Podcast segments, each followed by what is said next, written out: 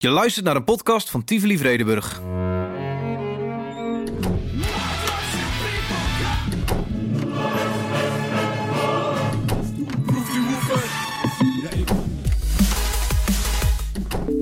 Tivoli Vredenburg bestaat vijf jaar en de oudste zaal in het pand al 40 jaar. Om dat te vieren spreken we in vijf delen met de grondleggers en andere betrokkenen van de verschillende podia die samenkwamen in dat ene pand. Met vandaag Erik Mans, nu management, maar vroeger origineel kraker van Tivoli. Daar kwamen ze weer aan, die klootzakken. Precies, heel vervelend, irritant. Ja, strontvervelend waren. Dus we verzamelden op het uh, Domplein. En er kwam een bakfiets voorrijden met uh, eentje met een tapje en een paar vaten bier. Ja. En de volgende bakfiets had uh, wat gitaarversterkers en een zanginstallatie. Ja. Vraag hem niet hoe, maar we wisten dat die agenten met honden in het pand stonden. Ja. gele citroenflesjes, weet je wel, die Ja. kleine, daar deden we dan ammoniak in. En daar, die gebruikten we tegen honden.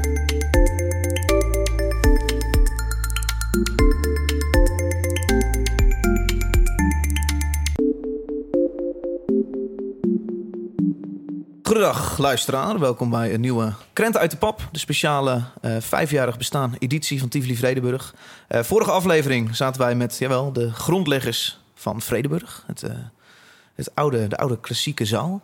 Ehm, nu zit ik met iemand anders, namelijk een grondlegger van Tivoli. Ehm, Erik Mans, tegenover mij, nu de directielid. Welkom. Dankjewel, dankjewel. Wat is jouw precieze functie? Zou je die even kunnen omschrijven? Ik ben facilitair en productiemanager. Dus dat gaat over de hele achterkant, het gebouw... en het zorgen dat eh, de optredens plaats kunnen vinden. Theatertechniek, eh, voorbereiding. Ja.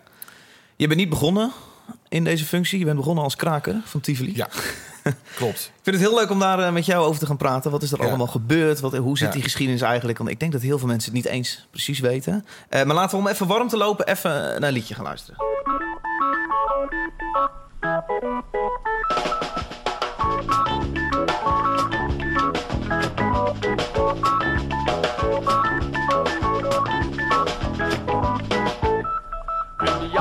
Wat geleden werd er heel wat afgepraat. Voornamelijk door de leden van de gemeenteraad. Er kwam, zo werd besloten, door de regentenkliek. Naast Hoog Katarijnen nog een centrum voor muziek. Naast Hoog Katarijnen nog een centrum voor muziek. Centrum voor muziek, voor de gehele burgerij. Voor punk, voor funk, voor rock and roll en klassieke strijkerij. Maar underground en amateurs kwamen er niet aan te pas. En daar kwam men pas achter, toen het bijna open was. En daar kwam men pas achter, toen het bijna open was. Tivoli, Tivoli. Ja, we spreken eh, jaren 70. Dus, ja, dit is eh, eind jaren 70, ja. En daar kwam inderdaad een, eh, een groot pand voor de, de, bijna de gehele burgerij. ja. Voor- met klassieke muziek. De culturele elite noemen we dat. Precies. Maar er was eigenlijk niet echt iets voor underground muziek. Of de punker. Nee, ik kwam uit, ik, ik kwam uit Gouda. Dat was een leuk provincieplaatsje. Daar hadden wij een fantastisch podium. Er speelde elke week twee keer een, een band. Kan ik dat nog kennen? Of is dat nu... Over de brug. Nee, Nee. dat is, bestaat niet meer. Nee. En eh, eh, toen kwam ik in Utrecht. En er was helemaal niks. Nee. Nul. Nakkers. Je had het casino gehad, maar het was dicht. Dat is voor mijn tijd, daar kan ik verder niks over vertellen. Er was een café waar wel eens wat kwam op de Bilstraat. Ehm, Er was een zaal waar nog wel eens wat speelde. Eh, en de Raza deed nog wel eens Ja. wat. Dus Ja. de Ramones en de Talking Heads speelden in Raza Ja. op één avond. En daar speelde ik het Utrechtse punkbands wel eens. Dus Raza deed eh, de, eh, nog wel. En, en, en, en Kikker kwam, maar dat kwam later pas Theater. op, denk ik. Ja, Theater Kikker.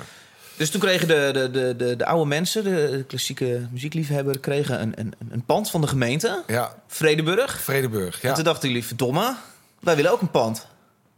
Ja. ja, er was al een tijd er was een groep jongeren op zoek naar iets. En, eh, Want Raza voldeed niet. nee. Oké. Ehm, Raza die deed natuurlijk niet wat die jongeren wilden. En Nee. dat was onvoldoende wat Raza deed. Ja. We hadden ook andere functie. Ehm, dus eh, men, eh, er was al een groep die kraakte allerlei eh, eh, lege kerken, garages. eh, je kan het zo gek niet bedenken. Oude fabriekshallen, eh, eh, Ik, ik heb wel eens voor een, eh, een van die onderdoorgangen onder het station gestaan. Eh, daar zou ook een feest zijn. Dus alles wat eh eh, Laberhuis is gekraakt geweest. naar allerlei eh, plekken werden gekraakt om een feestje te geven Ja. voor een avond. Dus dat deed voor een avond gekraakt. Dat Ja. was daarna ook weer eh, ja, Ja. een grote tyfuszooi en achterlaten. Eh, ja, dan werden het prullen en dozen wel achtergelaten. Ja. En ehm, eh, toen Vredeburg, Tivoli bestond op de... je had het Tivoli op de... God, hoe heet het nou? De zijstraat van de Beeldstraat. Lepelenburgpark, daar was Nee. een... eh, Eh, het oude Tivoli, er is in, in, ergens in 1800, ik weet het jaartal niet, maar heel lang geleden eh, heeft iemand een muziekzaal begonnen. die heette Tivoli al. Dat heette Tivoli. ja. En dat zat op het zijstraatje van de Beeldstraat. Ik ben even de naam kwijt. En daar hadden ze ook een, een, een, een, eh, tuin. En daar was in de zomer was het ook vaak buiten eh, muziek. En dat was natuurlijk klassieke muziek. Ja. Maar dat eh, eh, werd onbewoonbaar verklaard, dus die moesten daaruit. Dus die gingen in een, eh, die kregen de houten keten op het Lepelenburg. Precies, En ja. dat heette Tivoli. Dat heette Tivoli, En ja. dat was een tijdelijke voorziening voor iets wat uiteindelijk Vredeburg werd. Ja. Het centrum werd geopend door de prinses en haar gemaal. De notabelen van Utrecht waren er allemaal. Men proostte en men zei, ja, die keizer, die smaakt. Maar Tivoli, die avond nog, werd verschrikkelijk gekraakt. Die avond nog, verschrikkelijk.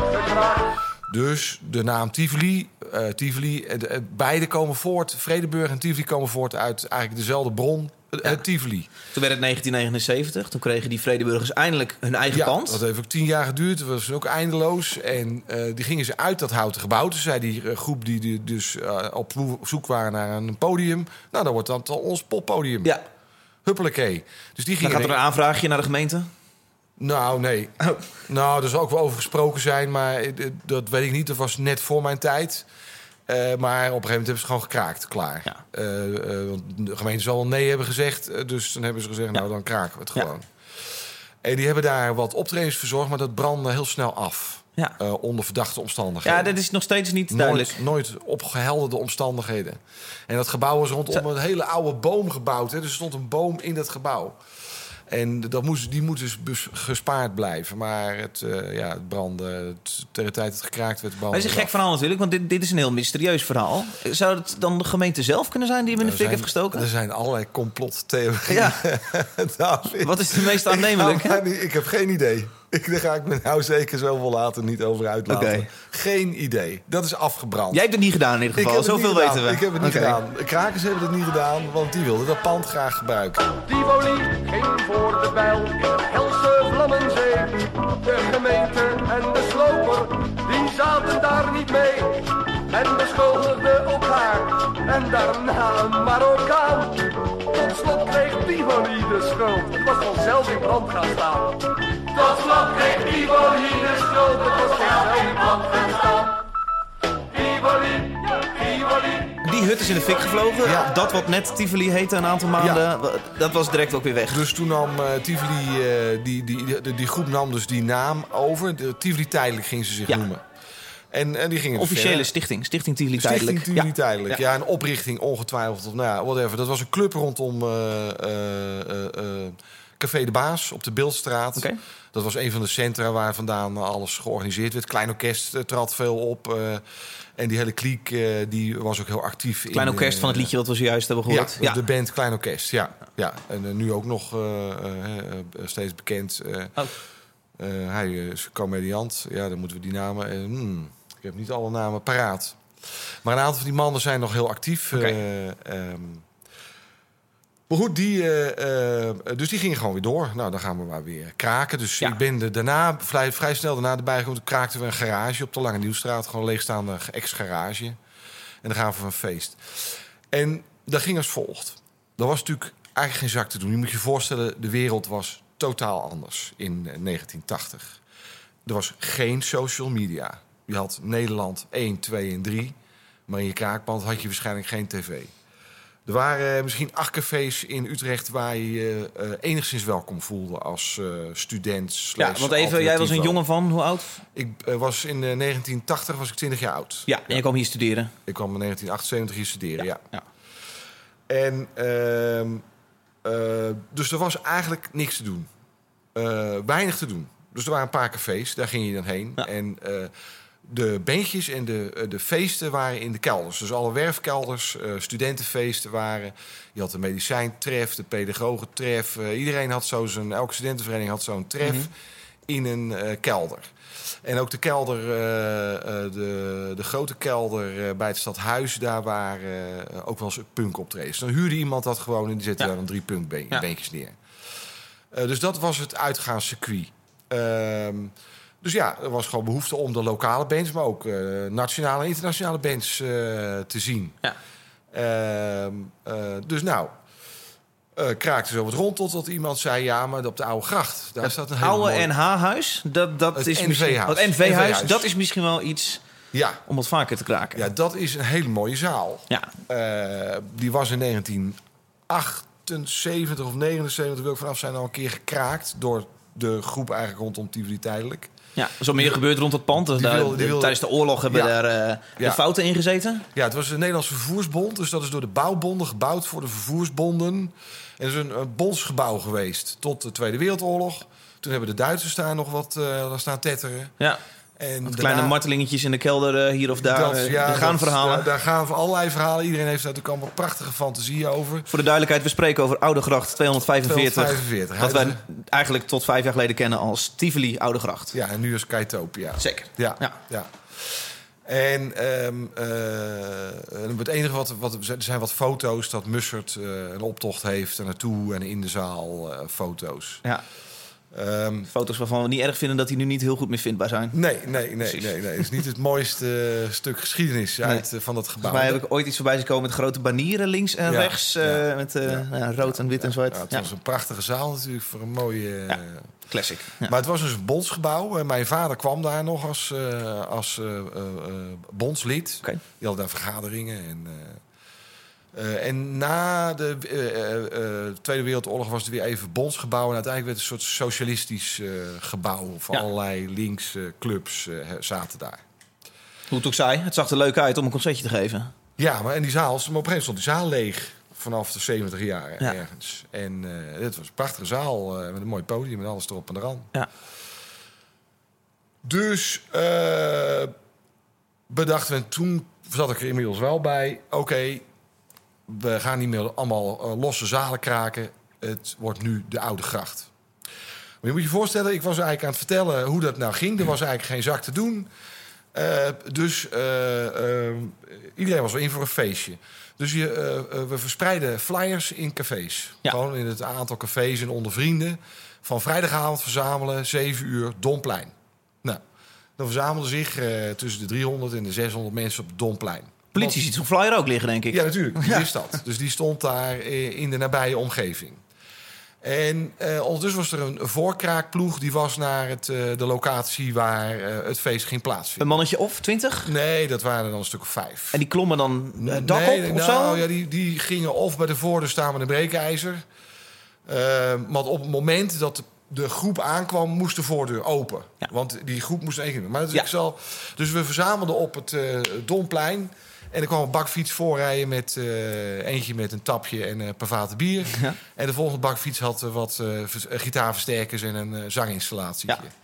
Nou, daar zaten organisatie, mensen van de organisatie op en die gingen fietsen. En daar ging die groep achteraan lopen. Met de politie daar omheen cirkelend. Eh, en die hoopte... Even, wat is jouw taak in deze? Liep jij voorop met volg deze vlag? of wat, wat deed jij? Eh, ja, nou... Zat jij bij de voorkraakploeg? eh, eh, ik zat soms bij de voorkraakploeg en soms liep ik mee. Oké. Als, eh, want het was ook, je had ook geen telefoons, dus het was op horloge echt gelijk stellen. Want om acht uur Ja. wilden we dan bij het te kraken pand aankomen. Ja. Ja. Eh, tegelijk, allemaal tegelijk, terwijl die voordeur dus net open ging. ja, dat is mooist. Want ja. als de politie namelijk eh, erbij zou zijn voordat die grote groep aankwam... dan ehm, eh, gingen ze naar binnen en dan hielden ze de kraak tegen. Nou, dit is het punt. Er is snelheid geboden, want als, daar, als de politie daar komt en er zitten vijf man in, die zijn dan verkeerd bezig. Ja, Die maar als de politie komt en er staat 300 man, wat Ja, is de grens? Dan lieten ze het gebeuren. Dan is het goed. Dan, Dan, lieten ze het gebeuren. dat lieten ze- Dan gingen ze niet meer knokken. Nee. Het- uit die eerste vijf, als ze, dan, als ze er konden blokkeren... en bij de ingang konden staan en die groep buiten konden houden... dan konden ze het voorkomen. Maar een zodra- leuk spelletje om te spelen Ja, ook wel. superleuk, superleuk. Dus dat was om de hoek komen. Hè, eh, maar dus op horloges, niet met een telefoon... want er was geen mobiele telefoon. Dus het was allemaal op tijd gepland. Dus die groep moest in een bepaalde snelheid... naar dat pand toe geleid worden. En om de hoek komende gooide die kraakploeg gooide die deur open. Of die stonden inderdaad binnen en die trokken de deur open. En dan moest die groep dus rennen naar de ingang. En die pakte de eerste mensen pakten een vaatje en eh, een versterkertje mee. En zo rende die hele groep van drie, vier, vijf, 600 mensen met al die spullen naar binnen toe. En dan werd er een barretje opgebouwd. Ja, maar heel even nog dat Ja. punt. Je, je, je loopt vanaf de Domplein hè, en ik zie dat Ja. zo. En dan vlak voor het moment dat je om de hoek komt... dan zie ik Erik voorop lopen. Ja. En ik denk dan, die stuurt even een appje naar de jongens binnen. Van, hé, hey, we zijn er, gooi die deur maar open. dat is iets heel kleins, maar zo'n appje kun je niet sturen. Nee. Had nog geen WhatsApp. Dat was, Hoe deed je dat dan? Nee. Ja, nee, dat was dus eh, puur getimed. Dus het was echt je klokjes gelijk zetten. Van tevoren bedenken, zes minuten over acht lopen wij waarschijnlijk... Ja, wij moeten dus zorgen. Dus die groep die vanaf eh Domplein ging lopen, die moest timen. Ja. En zorgen dat ze op eh, de afgesproken tijd. Er zal er eentje op de fiets natuurlijk hard vooruit gefietst Ja, ja. zijn. Van Ja. ja. jongens, we komen eraan. Maar ging dat altijd goed? Dat ging eigenlijk altijd goed, ja. ja. Ik kan me eigenlijk geen kraak herinneren waarbij dat niet goed ging. Oké. Dus dan ging het, eh, de hele troep naar binnen. Dan werden de vaten er binnen gesjouwd. En dan werd er een barretje opgebouwd. En er werd een backlijntje opgebouwd. En het, het, het, het beentje plugde zijn gitaar in en, en, en rommelde wat. En het publiek was binnen. En het, ja, het kraken was onderdeel van het feest eigenlijk. Ja, ja. Het waren ook allemaal krakers. Het feestje begint om die- zeven uur op Domplein natuurlijk. Ja, ja. precies, precies. Nou, en dan eh, ja, was er een feest. En op een gegeven moment was het klaar, was het afgelopen. En dan gingen we weg. Maar op een mooie dag dachten we dus, dus gedoe elke keer. En zo'n koude, vochtige garage waar geen goede stroom is of weet ik veel wat. Oude gracht. Dus toen zeiden we, Domplein, nou eh, verzamelen. We verzamelen steeds op Domplein om de oude gracht te gaan kraken. Ja. Nou, wat deed de gemeente, die, eh, de politie, die zagen dat dat ging gebeuren. Vrijdagavond, dus die eh, hebben twee keer eh, de ingang van de eh 245 dichtgemetseld Oké, ja. met stenen. ja. Nou, Even, daar heb Ja, je hebt een ja. heel mapje Ja. vol foto's meegenomen. Dat zien we hier eh, zien voor we hier, ons. zien we hier de punks en die staan dus met een voorhamer. Hè, dus je kreeg, eh, er waren twee voorhamers en je mocht drie keer slaan. Eh, en dan moest je hem doorgeven. En na drie keer eh, raak je echt de kracht uit je armen kwijt. Dus er stonden eh 30, 40 jongens stonden daar eh, te springen van enthousiasme. Dat klinkt als een heel leuk spelletje. Ik had hier best wel mee willen doen. Geef mij die hamer voor, ik ben al lang aan de beurt. Ja, ja, ja, ja, precies. Maar ondertussen ben je kei illegaal, ben je in een pand in, Ja, in het hakken wat niet voor jou is. Ja, sommige jongens die, eh, die eh, wilden die hamer natuurlijk niet afstaan, dus die werden uit hun handen gerukt. en, eh, nou, en dan was het slaan. eh dat was eh 10 minuten, eh, 20 minuten mappen op die muur tot hij eruit was. En dan stroomde iedereen naar binnen. De voordeuren van Tivoli werden drastisch ingeramd. En weldra na een uur of drie was het podium bemand. Een weekend lang werd er gefeest met gratis popmuziek.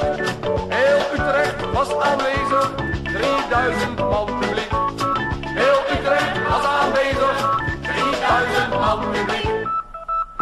Tivoli. Dat was in de gang, in de lange gang.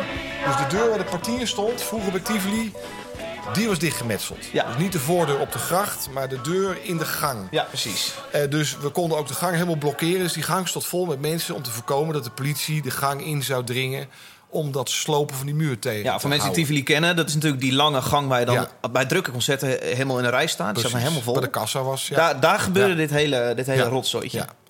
Ja, en dan naar binnen weer hetzelfde verhaal. Er werden de spullen er binnen gehaald en er werd een feestje opgebouwd. En dan was er een feestje. Ja. Eh, we begonnen zelfs te metselen. Dus de eerste feesten, omdat de buren klaagden over geluidsoverlast gelijk al. En wij natuurlijk, eh, iedereen zo eh, wil die zaal graag hebben. Ja. Dus zijn we geluidssluis gaan metselen. Dus tijdens de eerste feesten werd er gewoon door een ploeg... eh, werden de muren opgemetseld en deuren geplaatst. En ondertussen was het feest gewoon aan de gang.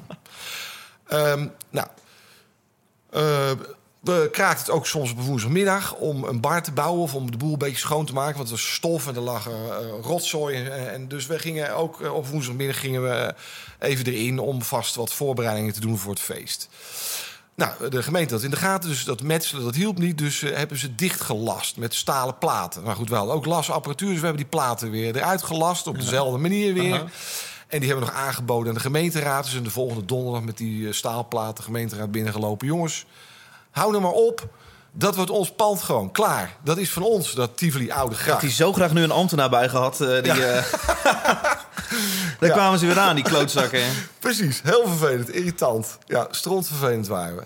En ehm, dus toen besloot de politie, hadden we weer een feest aangekondigd. Nou, nu zetten we eh, politieagenten met honden in de zaal. Ja, Honden waren natuurlijk... die stonden in de zaal klaar. Ja, dus voor het geval dat... acht, eh, volgens mij echt acht eh, agenten met politieagenten, uh, politie, eh, eh, nou, de hond werd regelmatig ingezet als wapen tegen bij ontruimingen. Ja. Want dit was, dit, dit zijn allemaal, we hebben het over een groep krakers. Dus een hele diffuse groep. Iedereen kon zich aansluiten op elk moment, bij elke vergadering, wanneer dan maar ook. Iedereen die zich aansloot was lid van Tivoli tijdelijk.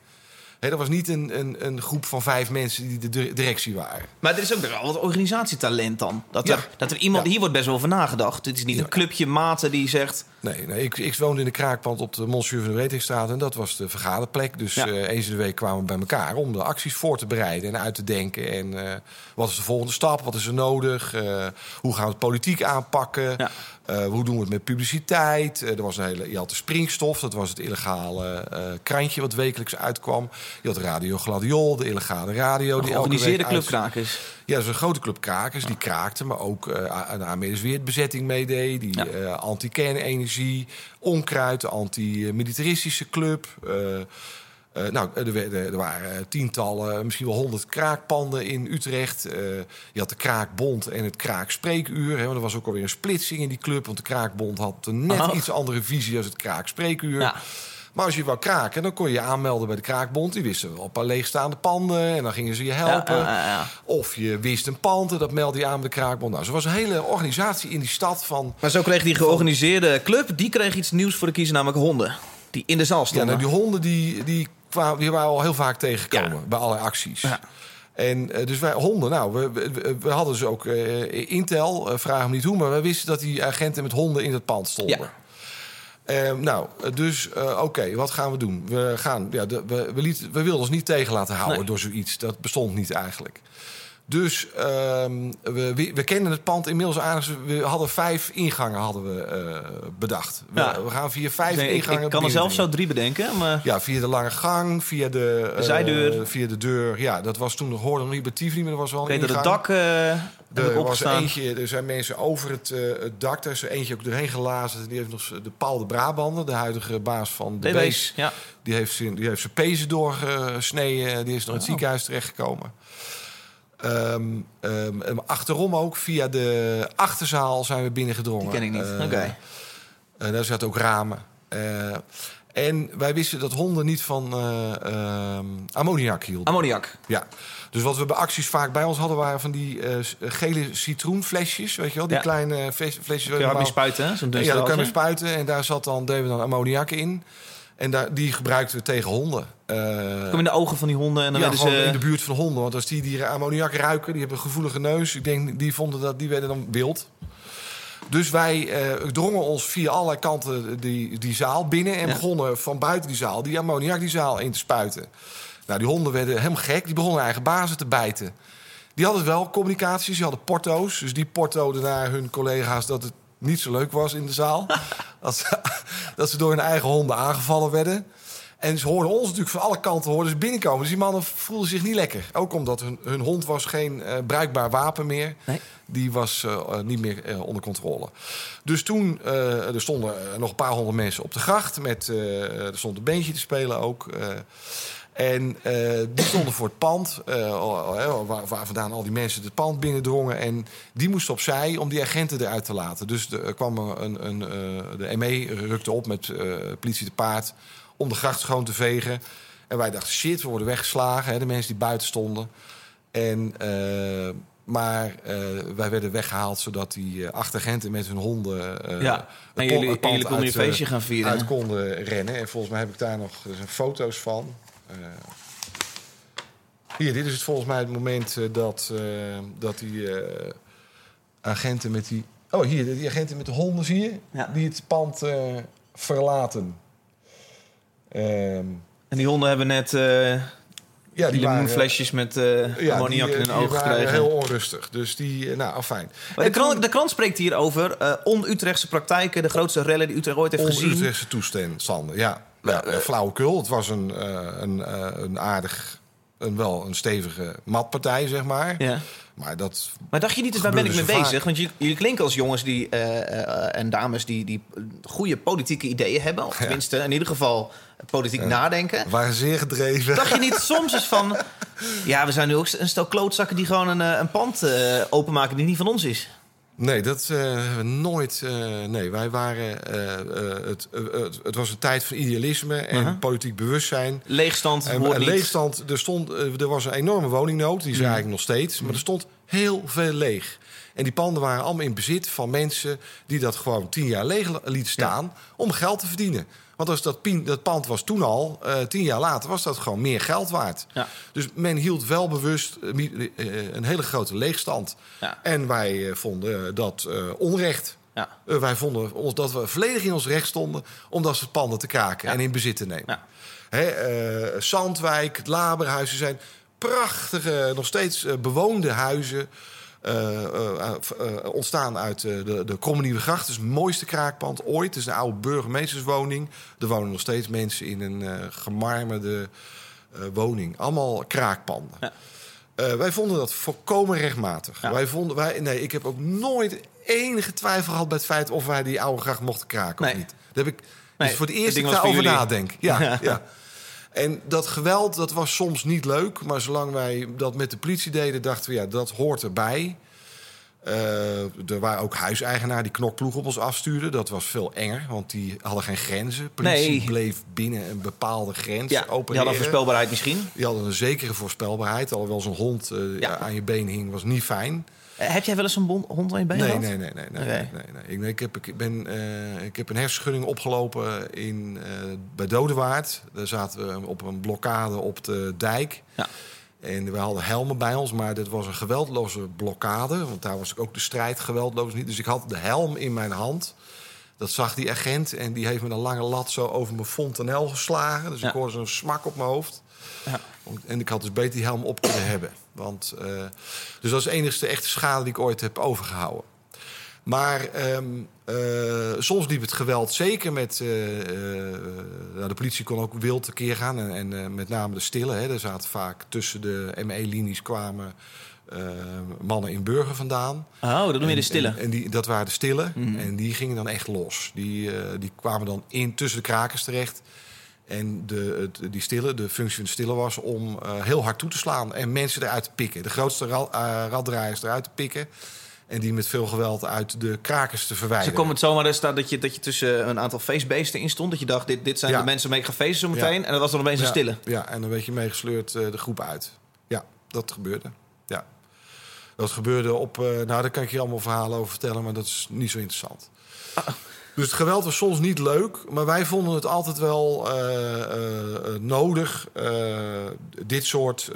natuurlijk waren er discussies. Hoe ver gaan we? Ja. Eh, eh, eh, mag je een koelkast van het dak gooien terwijl de ME voor de deur staat? Nou, dat, dat waren wel discussies, echt wel. En, Goeie kans dat je een kind berooft van zijn vader. Als je dat doet. ja, dus, dat, dat, de, dus het het werd natuurlijk steeds harder. En Ja. met name in Utrecht viel het altijd nog wel mee. In Amsterdam was het een, een exponent van Utrecht. En daar gebeurden dingen.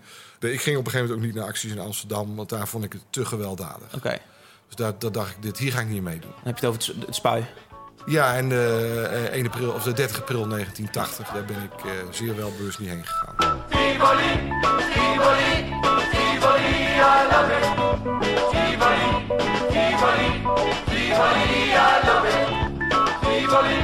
Tivoli, Tivoli, I love it.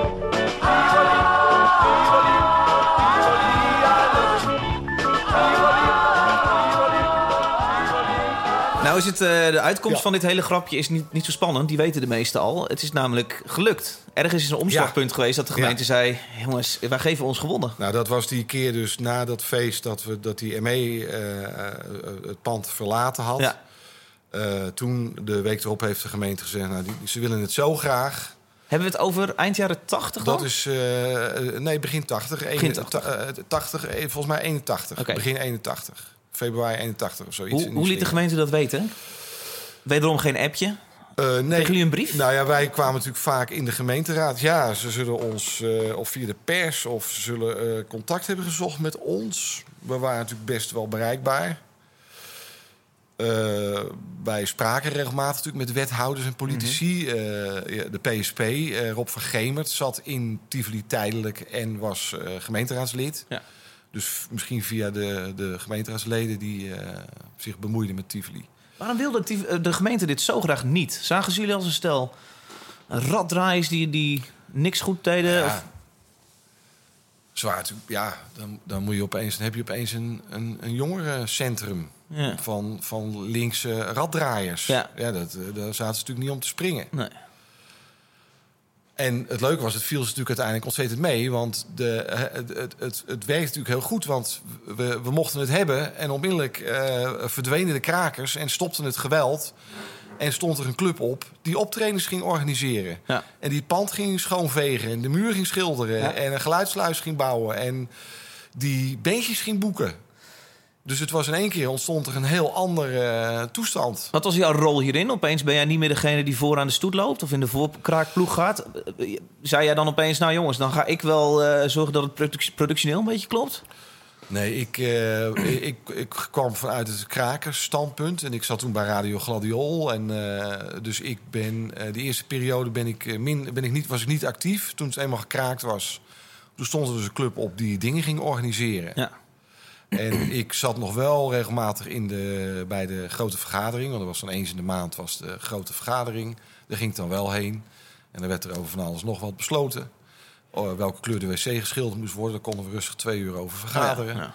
En als er dan eh, werd gevraagd, en wie gaat het dan doen? Dan stak natuurlijk niemand zijn vinger op. En dan gingen we bier drinken. Ja. Dus, eh, eh, en ik ben later weer teruggekomen als ben ik, actief ben ik licht en geluid gaan doen. Ja.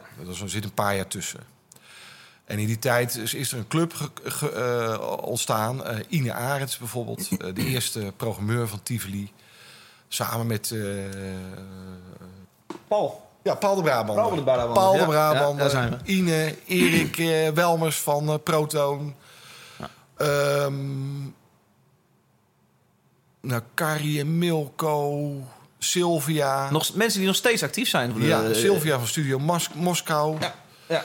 Voor het muzieklandschap in Utrecht. Ja, daar, daar waren een aantal mensen die, ehm, die eh, in dat begin, eh, waarvan ik in ieder geval me herinner, eh, en er zijn andere mensen bij geweest, die daar gewoon gingen zitten en optredens gingen organiseren. Ja. Lokale punkbandjes, maar ook de eerste nationale en internationale contacten begonnen te leggen. Ja. Ja, dus ik weet nog goed dat ehm Echo and the Bunnymen, dat was... Flock of Sea- Seagulls was de eerste Engelse band. Ja. Je moest natuurlijk... eh dat was de eerste positioneringsslag, was vertrouwen krijgen om een band te kunnen boeken. Ja. Dus je moest... eh Mojo was toen ook nog beginnende. Ja. Die moest, ging bij jou een bandje boeken. Maar ja, dat moest je wel goed doen. Ja. Want anders dan boekten ze nooit meer een bandje bij. Ging dat goed, de eerste? Ja, dat ging goed. Nou, Echo the Bunnyman. Flock of Seagulls ging geweldig. Maar Echo the Bunnyman... Er kwam 's ochtends een trailer. We stonden in de zaal eh, op ze te wachten. En er kwam een trailer voorrijden. En daar kwamen twee eh, jongens van de Engelse crew eh, uitrennen. Die liepen onze zaal binnen. Die zeiden, where's the power? En wij wezen naar de, stroom. Oh, oh, oh, fuck it. We're not playing. En die verdwenen. Oh. En, en die stapte in die trailer en die trailer reed weg. En de band hebben we nooit gezien. Dus eh, wij begrepen dus plotseling dat Echo de Bunnyman niet ging optreden. En dat was onze eerste uitverkochte show. Oké. Kaarten verkocht in heel Nederland.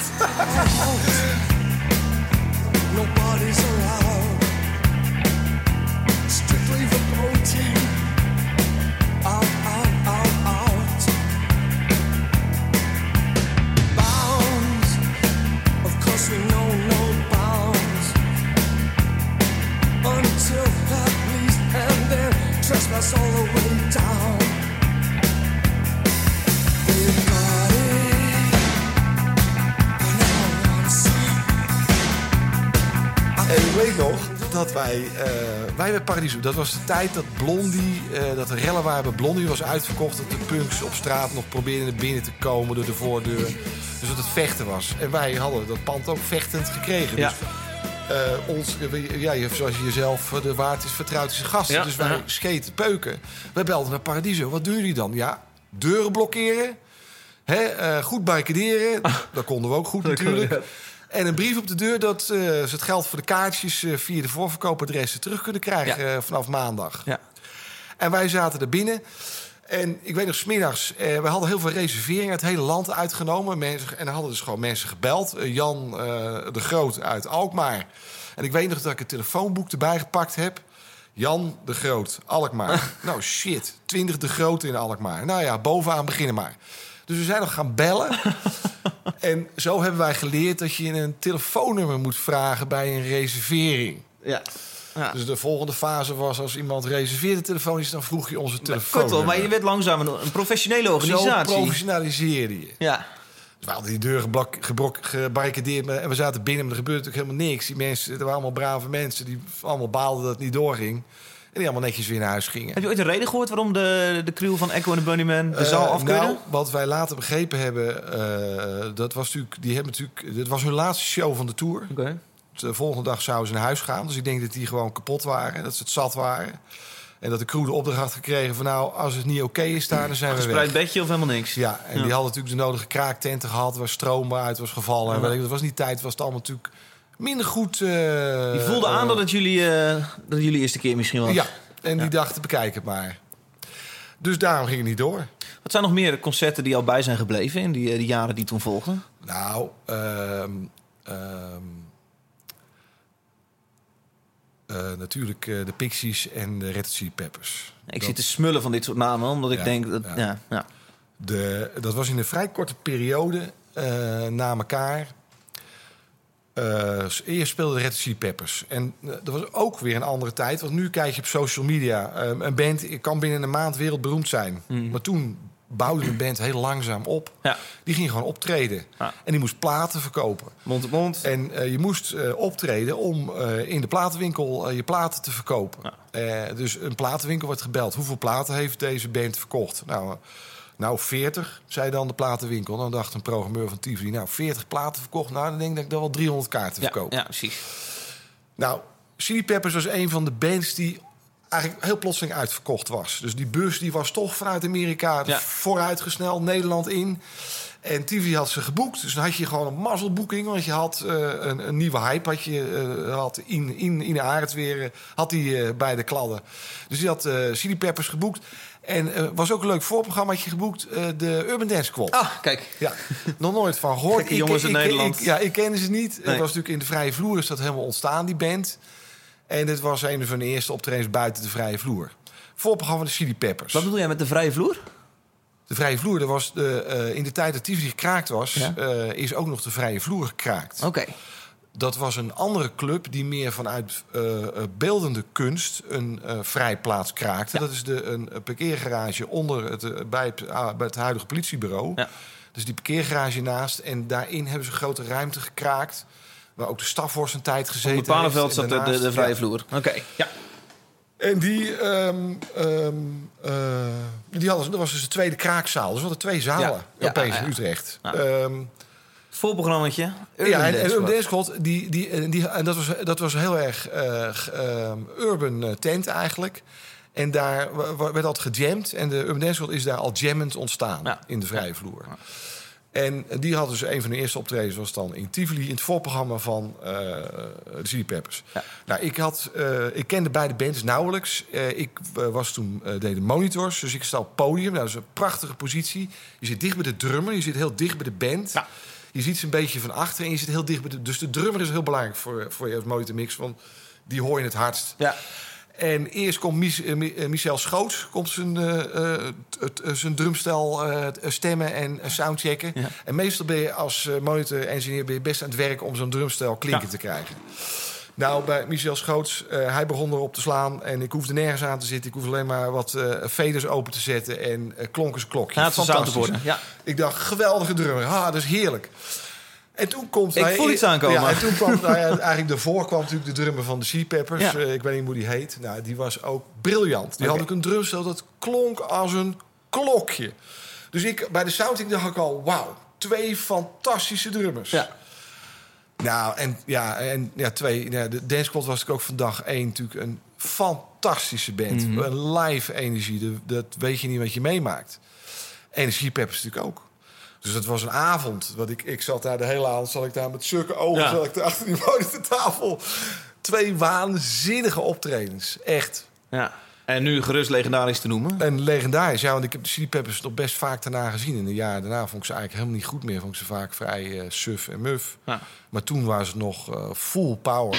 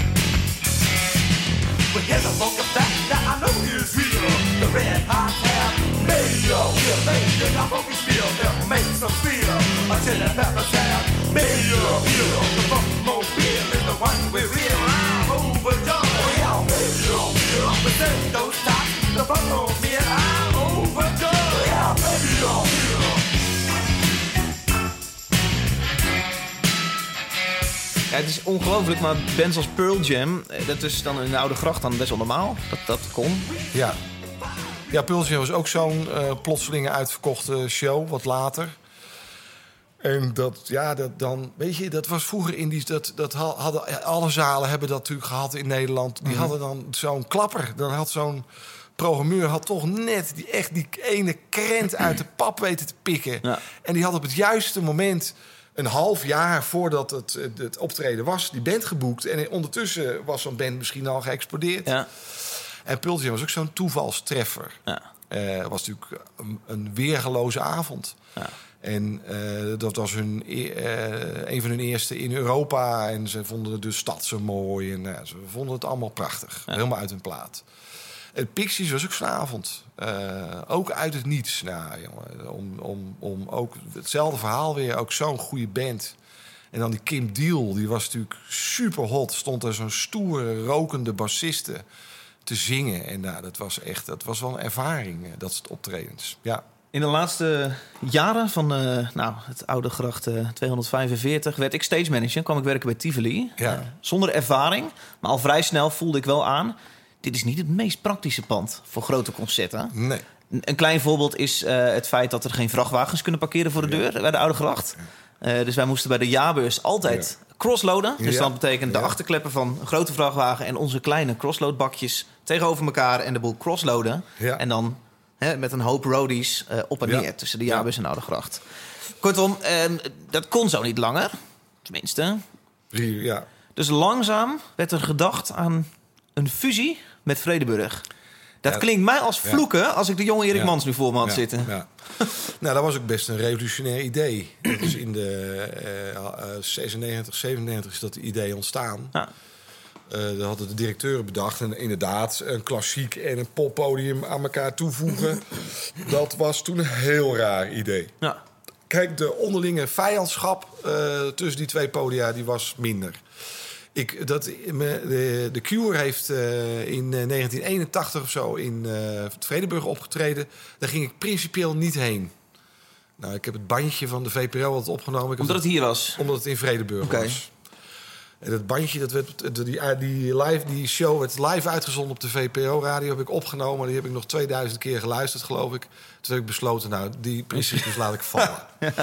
Maar we gingen ook werken. Dus eh eh, Mojo deed veel eh, popshows, ook in Vredeburg. Dus de hele Ja. Tivoli-crew kwam dan als stagehand en als geluidsman, Ja. als lichtman. Want ik als ZZP'er werkte voor Oude Gracht, maar af en toe werd mij ook gevraagd... kun je misschien naar Vredeburg? Precies. Want daar hebben we ook een concertje. Dus er ontstond een enorme crossover al eh, eh, met crew en barmensen. Margriet, onze, eh, die de directeur van eh eh, Vre- eh, Tivoli is geweest... en Ja. nu de eh, artistiek directeur van eh, Tivoli Vredeburg is... Ja. die is in Tivoli achter de bar begonnen... en toen eh, achter de bar van Vredeburg terechtgekomen. Dus die heeft ook wat switches heen en weer gemaakt. Dus er waren heel veel mensen die, die tussen die twee... Want het was allemaal muziek. Ja. Zelfde interesse. Dus die, er was al een verbinding aan het ontstaan. Ja. Maar toen die directeur dacht... pop en klassiek onder één dak... dat was een heel raar idee. Ja. Da- dachten mensen. Mensen dachten toen dat idee ontstond van... die publieksgroepen die gaan met elkaar op de vuist.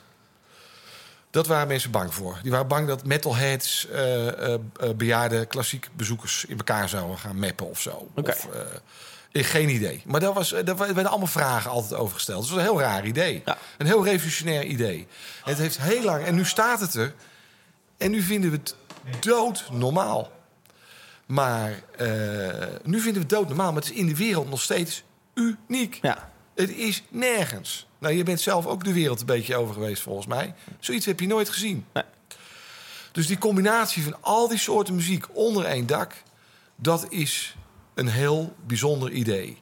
En de oorsprong, zou ik maar zeggen, komt toch ook allebei uit Tivoli. Dus ik vind het een hele mooie, logische voortzetting. Ja. Ik vind het een hele... eh, het is heel dapper wat de gemeente Utrecht ook gedaan heeft... en wat al die mensen gedaan hebben... eh, die hier aan gewerkt hebben om dit te realiseren. Dat is een hele visionaire idee geweest. En nu het er is, denk je, doodnormaal. Maar toen het er nog niet was... eh, Dan voelde ik in de eerste jaren een soort angst dat er een soort van kamp Tivoli zou ontstaan en een kamp Vredeburg. Het was, het moesten zo goed mogelijk Tivoli-Vredeburg Ja. blijven combineren, niet één van de twee noemen. Hoe ging die verhuizing? Ehm, chaotisch. Totaal onvoorbereid. Eh, er was natuurlijk op bestuurlijk niveau eh, nog wel wat gedoe. Dus vrij kort. eh, we kregen 1 december 2013 de sleutel. Er is een planning gemaakt waarvan ik echt denk, wie heeft deze planning zo bedacht? Ja, september 2013 eh, werd er besloten we gaan fuseren. Ja, Dus drie maanden voordat we de sleutel kregen. ja. En er zou een jaar tijd zijn om in te richten en proef te draaien. ja. En dat is verkort, want eh, de, de, de moesten, shows moesten eerder beginnen. De opening is een half jaar naar voren gehaald. En de oplevering is in drie maanden naar achter gegaan. Dus er bleven drie maanden over. En ondertussen dacht je, laten we hè, Tivoli ook nog wel eer aan doen. Dus daar gaan we een hele reeks van concerten extra organiseren. Ja, wat ja. tegelijkertijd met de verhuizing liep. We willen niet eh, eh, eh, dat Tivoli stopt en dat, het een tijd, dat de tijd geen Tivoli is. Ja. Het moet in elkaar overgaan. Dus het drukste programma aller tijden in Tivoli was op de Oude Gracht. Terwijl Ja. we al aan het beginnen waren op de- hier in, eh, Ja. in de nieuwbouw. Ja. Dus dat is het, het gekste wat we ooit hadden kunnen bedenken. En wij dachten, wij krijgen dat pand. eh, we hebben drie maanden om dat in te richten en dan gaan we gewoon beginnen. Eh, we zetten die barretjes even neer. We hangen de theatertechniek er even in. Krakersmentaliteit. En, eh, ja, we gaan we doen gaan, toch? we gaan beginnen. Ja. Nou, dat is de grootste misrekening geweest die ik ooit in mijn leven heb meegemaakt. en we zijn tot op de dag van vandaag zijn we nog bezig met- inrichten en met nog eigenlijk de grootste storingen uit het nieuwe pand te halen. Dus we zijn nu vijf jaar verder, maar het is nog lang niet klaar. En we willen nog hè, het pand. in Sfeer technisch vinden we het pand. We willen het nog veel gezelliger en beter inrichten als dat het nu is. Ja. De zalen zijn alle vijf prachtig, geweldig, geweldige akoestiek, eh, prettige atmosfeer. Eh, maar alle ruimtes daartussen, daar, eh, daar zijn we hard aan het werk. Onder andere met Park 6. Om dat leuker en gezelliger en prettiger te maken. Ja. Ja. Ja. En dat is natuurlijk, ik vind de grootste winst. Hè, want mensen zeiden natuurlijk waarom... eh, je gaat er niet weg op de oude gracht. Er zit eh, zoveel historie, dat kan je niet doen. Eh, ehm, ja, dat vind ik eh, onzin. Ehm, we hebben een veel mooiere zaal. Ja. We hadden op de Oude Gracht hadden we een dramatische akoestiek. We hadden onder, de, onder het balkon hadden op sommige plekken 14 seconden nagalmtijd Ja. in het laag. Dat is veel. Dus als de, eh, de kickdrum had geklonken, dan klonk hij nog 14 seconden na. Ja. Nou, dan had die drummer al tien keer opnieuw op dat ding getrapt. Dus het geluid was vreselijk daar. Ehm, de riolering stond op instorten, die was het 1460. Eh, je moest overladen, je had maar één zaal. Eh, dat pand was, eh, dat was uitgewoond. Ja. Eh, dat was niet geschikt voor zijn doeleinden. De buren woonden op het podium. Eh, de rijen stonden tot in de springweg. Nou, het was, Er lag het was- regelmatig een, een rat te verteren tussen de muren ja, in. ja, het, was, het was echt Backstage kon nog wel eens goed stinken. niet toekomstbestendig. Nee. En alle andere steden kregen een nieuw podium. Dus we moesten echt een nieuw podium. En we hebben een veel mooiere zaal ervoor teruggekregen. Als je naar andere podia kijkt, andere steden. Laat ik, laat ik hem zo stellen. Ik vind het zelfs dat een zwaktebod van ieder van die nieuwe panden. Dat ik denk, ach, Ja. wat een sfeerloze tyfuszooi. Ja. Wat word ik blij van dan een Paradiso. Wat dan misschien productioneel een hel is. Ja. Heb jij dat ook niet eens? Eh, wij hebben eh, bij het ontwerp, en dan heb ik het nu even over de ronde, hè, want we hebben natuurlijk een heel mooi gebouw en alle zalen zijn mooi. Maar als we het van de transitie van de Oude Gracht naar Tivoli Vredenburg hebben, het over de transitie van de Oude Gracht naar de Ronda, in mijn ogen. En we hebben tegen, als eerste tegen de architect gezegd: wij willen niet zo'n eh idiootproef zwarte doos. Ja. Tivoli, we, Tivoli op de Oude Gracht was de enige zaal die wit was. Elke popzaal is donker of zwart. Ja. Of bijna elke popzaal. Paradiso ook niet. Die heeft ook kleur. En die heeft die, mooie Ja. ramen. En wij hebben die zaal altijd wit gehouden. Eh Lichtman wil zwart. Maar eh, we hebben het altijd wit gehouden. Eh, en dat had, dat had natuurlijk een soort van eh, mooie elementen. eh, ehm. en dus we hebben tegen de architect gezegd... we willen niet zo'n zwarte doos. We willen een mooie zaal die eruit ziet, die smoel heeft. Ja. Nou, de Ronda is niet zo'n nieuwe, lelijke, gezichtsloze zaal. Dat is een Ja. hele mooie zaal. Ja. Dus dat vond ik een belangrijke voorwaarde. En wij wilden natuurlijk gewoon eigenlijk een keer een goede akoestiek. Ehm, dus ik denk dat het belangrijk is dat je je zaal smoel een sfeer Ja. geeft. Kan ik het ook over de Hedge zeggen? Mijn favoriete zaal in dit, eh, Ja. in dit pand, Ja. Hedge. Ja, zo. Eh, Cloud9, ja. Ja. Dus Ze hebben al, ja. De zalen zijn allemaal heel mooi geworden. Mhm. Heel sfeervol. Daartussen zie ik roltrappen en nou, een parkeergarage. Ja. Ja, dat was natuurlijk de eerste.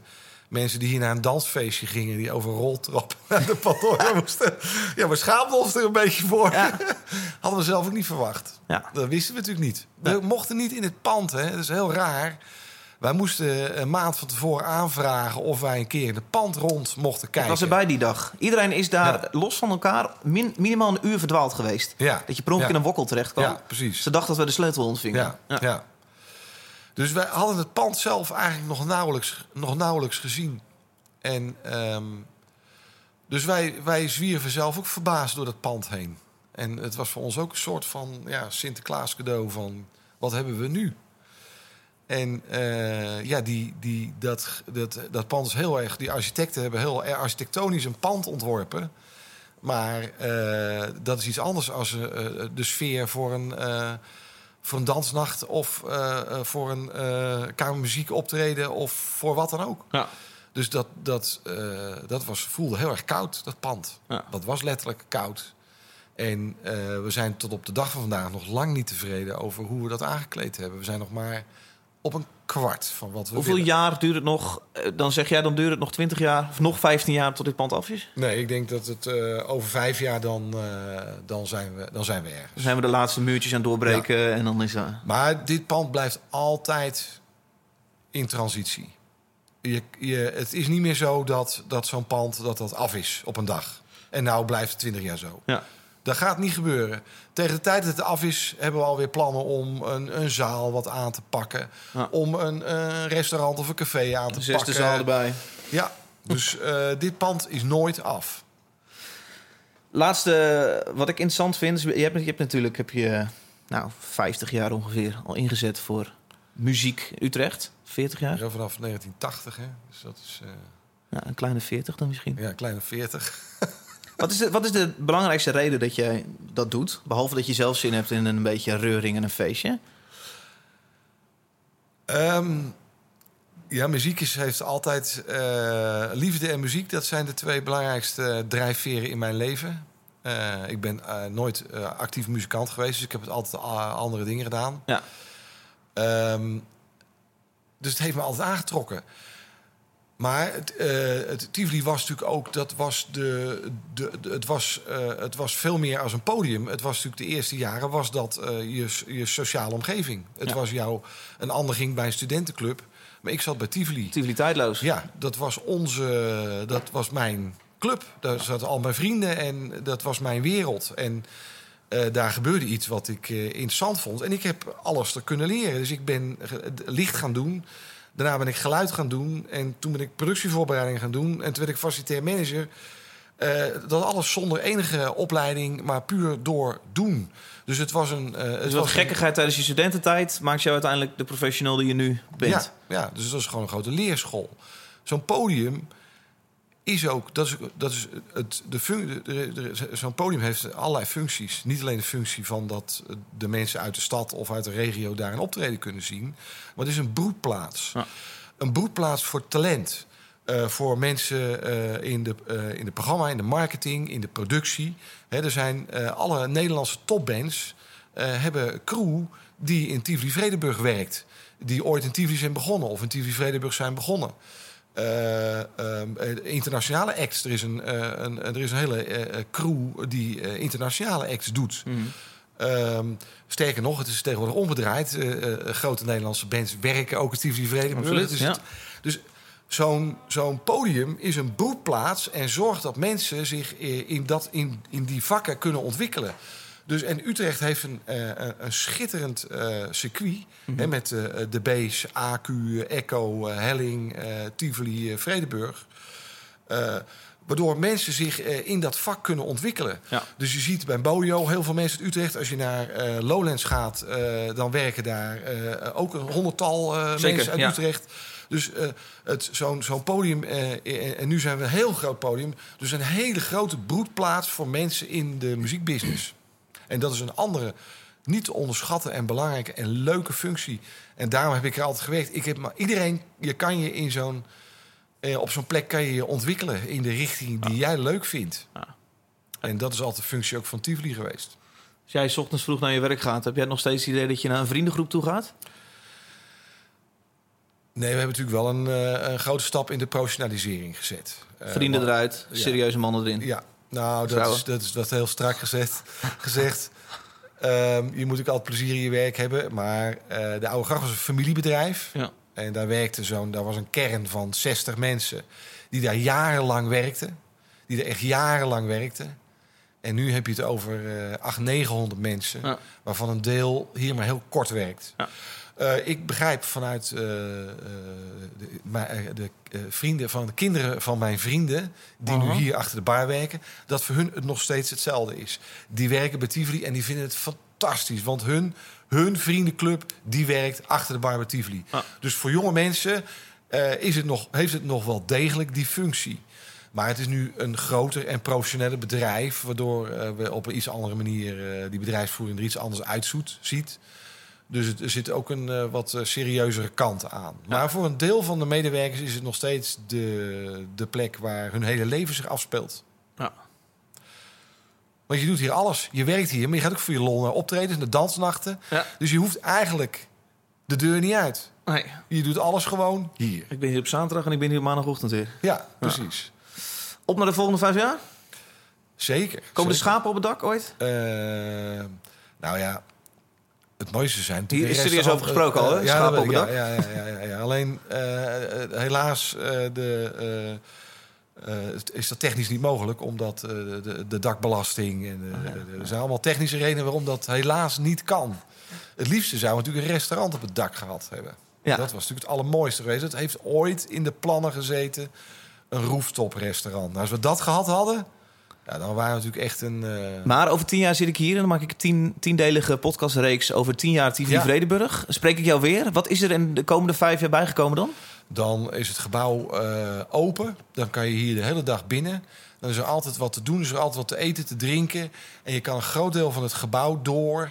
En het voelt heel warm. En Dus naast heel- 1700 concerten per jaar nog meer Ja. activiteiten? Ja, ja, dit gebouw moet altijd open zijn. En dit moet, eh, je moet je hier altijd op je gemak voelen. Ja. En dat kan. En, de- maar daar hebben we nog een jaar of vijf voor nodig om dat eh, verder te realiseren. En nu hier zitten we zitten hier nu aan de Vredenburgkant. Uh-huh. Nou, we zijn een gesloten bastion aan die kant. Ja, daar, zit- er zit een oude opening die dicht Ja, is. ja, die, Ja. Moet, die moet open. Die moet er wel moet open.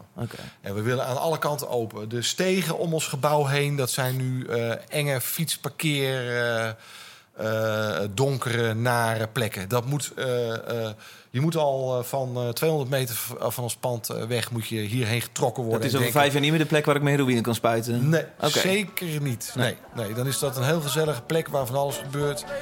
En dat hoort helemaal bij het gebouw. De hele directe omgeving. Ja, We spreken elkaar over vijf jaar weer. graag. Dankjewel. Graag gedaan.